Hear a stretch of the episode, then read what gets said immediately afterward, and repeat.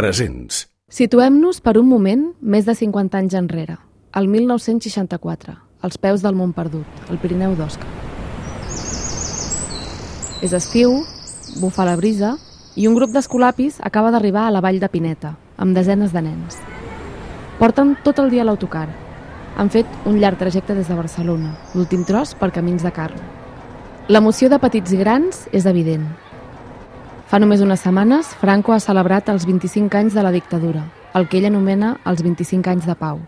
Però durant 15 dies, aquests temps grisos semblaran no existir a Pineta, ni aquell 1964 ni els següents anys.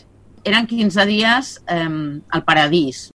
A Pineta l'entorn és bucòlic i el contacte amb la natura constant. Nosaltres hi havia tota una zona de bosc on ens deixaven campar a l'hora de temps lliure. La majoria dels nens no es coneixen entre ells ni han estat mai tants dies lluny de casa. Però anar a Pineta implica deixar enrere tot el que és conegut, deixar-se anar. Fer estels i fer-los volar, banyar-se al riu, rentar-se al riu, jugar, eh, jugar pel plaer de jugar. Allà, als peus del Mont Perdut, cada estiu a partir de 1964, nens i joves aprenen coses que no s'ensenyen a l'escola.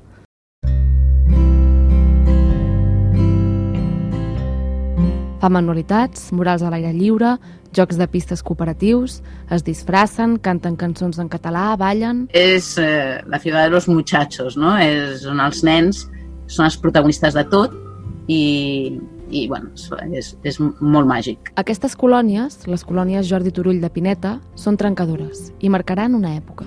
El lema de les colònies sempre era eh, colònies un món nou. Una mica d'aire fresc en temps de dictadura, quan tot està acotat. A Pineta hi havia un grau de llibertat, de, de creació, de, de vida, de, molt, molt més gran del que hi havia a les escoles, del que hi havia a casa. En general, els nens a Pineta, jo crec, eren molt més lliures. L'ànima d'aquell món màgic, que va marcar generacions i generacions, tenia diversos noms i cognoms, però sobretot un, Manel Baunyà. Ell va fer que les colònies de Pineta fossin molt boniques.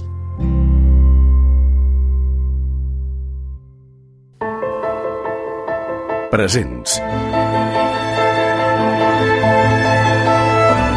Soc la Carola Soler i això és Presents, un homenatge als absents. Un recorregut per les vides dels qui ens han deixat a causa del coronavirus. Avui, el record i el tribut és pel Manel Begonyà, escolapi i mestre de mestres, nascut fa 81 anys, el 1939, a Barcelona.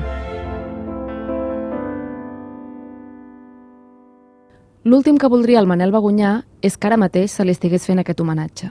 Ell era un home senzill i discret.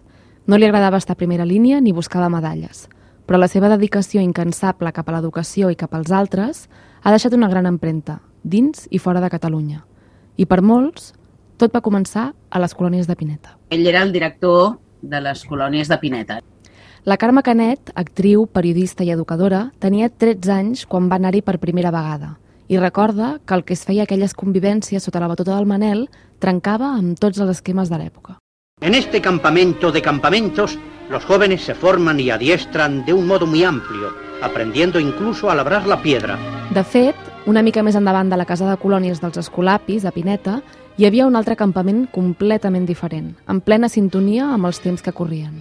En la hora de la práctica deportiva se incluye el tiro con arco y también sentir la responsabilidad de ser español dentro de la necesaria comunidad de los pueblos, como se recuerda en el momento siempre conmovedor e inolvidable de arriar las banderas. Els campaments de la OGE, l'organització juvenil espanyola, eren l'opció que el règim franquista oferia als nens i joves dels anys 60 i 70, com a educació entre cometes no formal, és a dir, d'oci i lleure. Allà, a la vall de Pineta, n'hi havia un de campament de la OGE, on els nens anaven amb uniforme i on la disciplina era militar. I els nens passaven per davant de la colònia i, i, ens, i, i cridaven, eh? Cridaven coses contra, contra nosaltres, que clar, estàvem allà, sobre, parlàvem català, cartells, banderes de l'art de Sant Martí, per allà, jo què sé. I sí que hi havia aquesta mena de rivalitat estranya entre un tipus de fer de campaments i un altre totalment diferent, sí. Brilla xiruca, quantes hores passades, quanta alegria fa reviure el meu cor.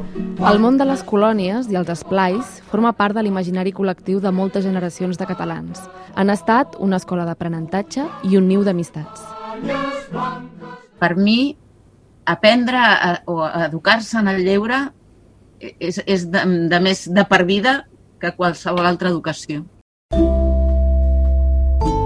I sobre l'educació en el lleure, el Manel Begunyà va ser-ne un mestre. Un referent per tots els qui es van formar com a nens i com a monitors a Pineta. Quan la Carme era una adolescent i va començar a fer de monitora a finals dels 70, el Manel tenia uns 35 anys.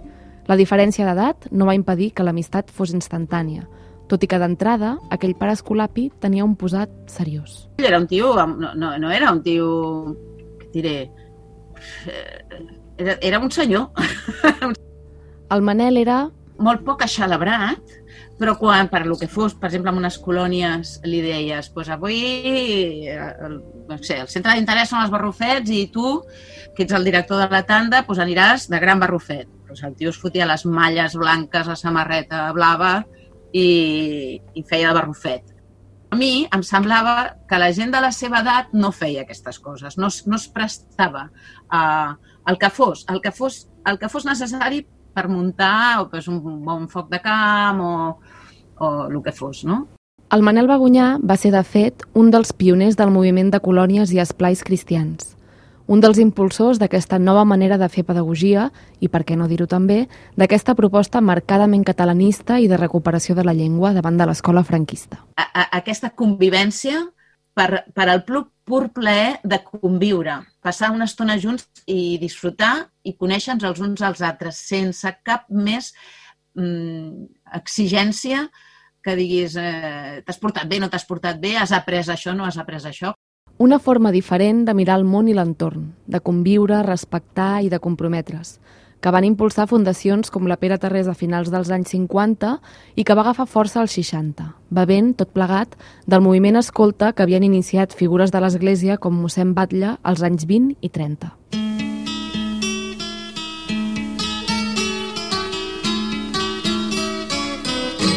Un món nou que s'entén molt bé, també, al calor del moviment folk i de l'onada expansiva del maig del 68. Senzillament aprendre a ser més bones persones. El Manel Begunyà portava fins a les últimes conseqüències aquest esperit de comunitat i empatia. Dins i fora de les colònies, es preocupava per saber les històries de cada persona, feia sentir a tothom important i aconseguia potenciar el millor de cada un, engrescant sempre a ser més compromesos amb els altres. La Carme, que està orgullosa de que la seva filla ocupi ara el lloc del Manel com a directora de les colònies de Pineta, ho resumeix amb una frase. El Manel vivia pels altres, sí, pels altres. Pels altres. Per entendre bé a les persones és important saber d'on venen. I el Manel Begunyà va créixer en una família catalanista i molt religiosa. Segurament molts no deveu saber què era la impremta Begunyà, però sí que us deu sonar el setmanari satíric Cucut i tots els fets que se'n van derivar al 1905 amb els militars o la revista infantil en Patufet. Doncs l'avi del Manel, afí a la Lliga Regionalista de Francesc Cambó, n'era l'editor, l'amo de la impremta Begunyà. s'imprimien molt això, històries i, i contes adreçats a nanos i per tant eh, veure allà gent que escrivia i dibuixants sempre li venien, no? I a més tenia això, voluntat a, per escriure. La tradició familiar va marcar el Manel. Més endavant serien molt coneguts els seus escrits sobre l'educació en el lleure o també les seves històries del dia a dia. Però fora de la impremta, el Manel també el va influir créixer anant a missa cantada, passant el rosari o escoltant la passió segons Sant Mateu de Bach.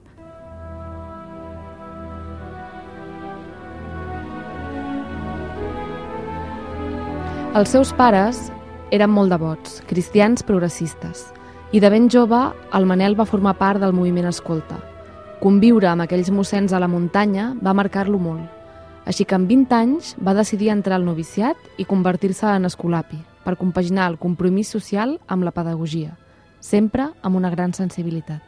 La seva sensibilitat davant de, del patiment o de les situacions complexes que podien tenir altres persones del seu entorn, com també eh, per una certa voluntat de sensibilitzar la gent que tenia al seu entorn perquè pogués actuar per anar millorant les condicions de vida de la gent. Sí, Aquest és el Ramon Francolí, secretari general de les escoles pies dels 90 i company de feina del Manel durant quasi 40 anys. Pel Ramon, el Manel era eminentment senzill i sensible, però també fa servir una altra paraula per descriure'l. Murri. Sempre amb un somriure sota el nas, hàbil per aconseguir que les coses sortissin endavant i que fossin perdurables. Molt constant, molt, molt perseverant, molt de formigueta. De fet, el Ramon era el gerent de la fundació on el Manel va treballar els últims anys, la Fundació Educació Solidària, dedicada a fomentar projectes educatius a països en vies de desenvolupament. La zona del Senegal, la Baixa Califòrnia, Mexicali i Tijuana, i aquí un impuls molt important hi va donar ell a la creació de casals d'estiu i colònies d'estiu. I també ell, per a través d'uns contactes que havia tingut, eh, havia treballat també en projectes en els que col·laborava a Guatemala i a Bolívia, sempre en el territori de, de l'educació eh, i de la formació de mestres, de la formació de voluntaris i de la creació d'escoles. Aló. Hola. Hola, Carola. Sí, ¿qué tal? Hablo con Anelisa. Con ella, mucho gusto. L'Analisa viu a Tactic, a Guatemala. Estamos rodeados de, de montañas y de uno de los ríos, uno de los ríos más caudalosos del país, que es el río Cabón. Tactic és un municipi relativament petit, però amb una gran diversitat lingüística. Gente que habla española, eh, quechí, achí y el idioma predominante que es el pocomchi. La família de l'Analisa, en especial la seva mare, la Conxa, que ara és morta, ha estat molt important pel Manel. Manel vino aquí a Tactic en el año 2001 a través de otro sacerdote que, que mi mamá conocía por, por temas educativos. I va tornar-hi com a missioner unes vuit vegades. ¿Y qué me puedes contar de Manel? ¿Cómo, cómo era él? Uf, era Dios en la tierra. Guatemala feliz que tus horas no La família de l'Analisa gestiona una escola, l'Instituto Acaltic, i el Manel hi arribava sempre amb mestres de Catalunya. Intercanviaven experiències, feien xerrades, tallers de formació, compartien recursos pedagògics... Siempre pues motivó mucho el tema de la lectura, el tema de la escritura y pedía que no nos olvidáramos nunca de, de la gente del área rural. Al Manel li agradava molt conèixer la realitat de les comunitats i intentava passar la idea de que un bon professor no ho és tant pel càrrec, sinó per involucrar-se al món de l'alumne, per un exercici d'empatia. El tema de ser tutores más que profesores, de ser acompañantes y que nos diéramos el tiempo de conocer al alumno, de conocer su historia.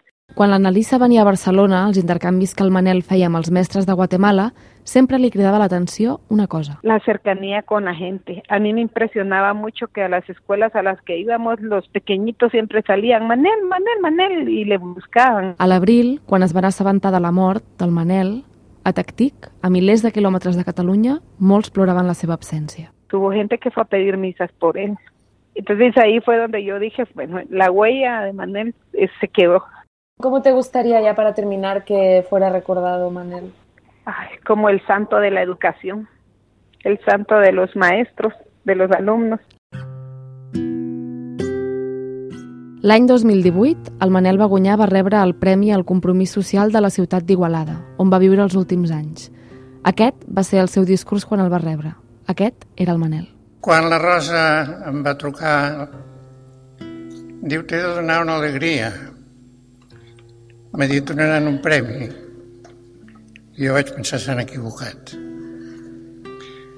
Perquè reconeixen una feina que no l'he feta jo sol, sinó la meva feina normalment, i aquesta feina de social, sempre l'has de fer en companyia, l'has de fer acompanyat d'altres. Gràcies als que han volgut reconèixer aquesta poca feina que he fet i m'han donat doncs, un premi que jo dic que, bueno, que s'han equivocat. Gràcies.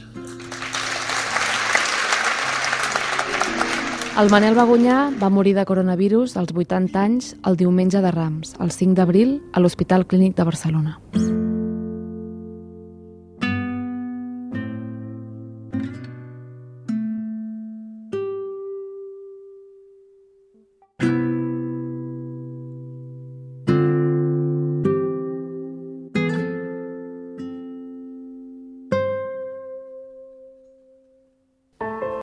Presents.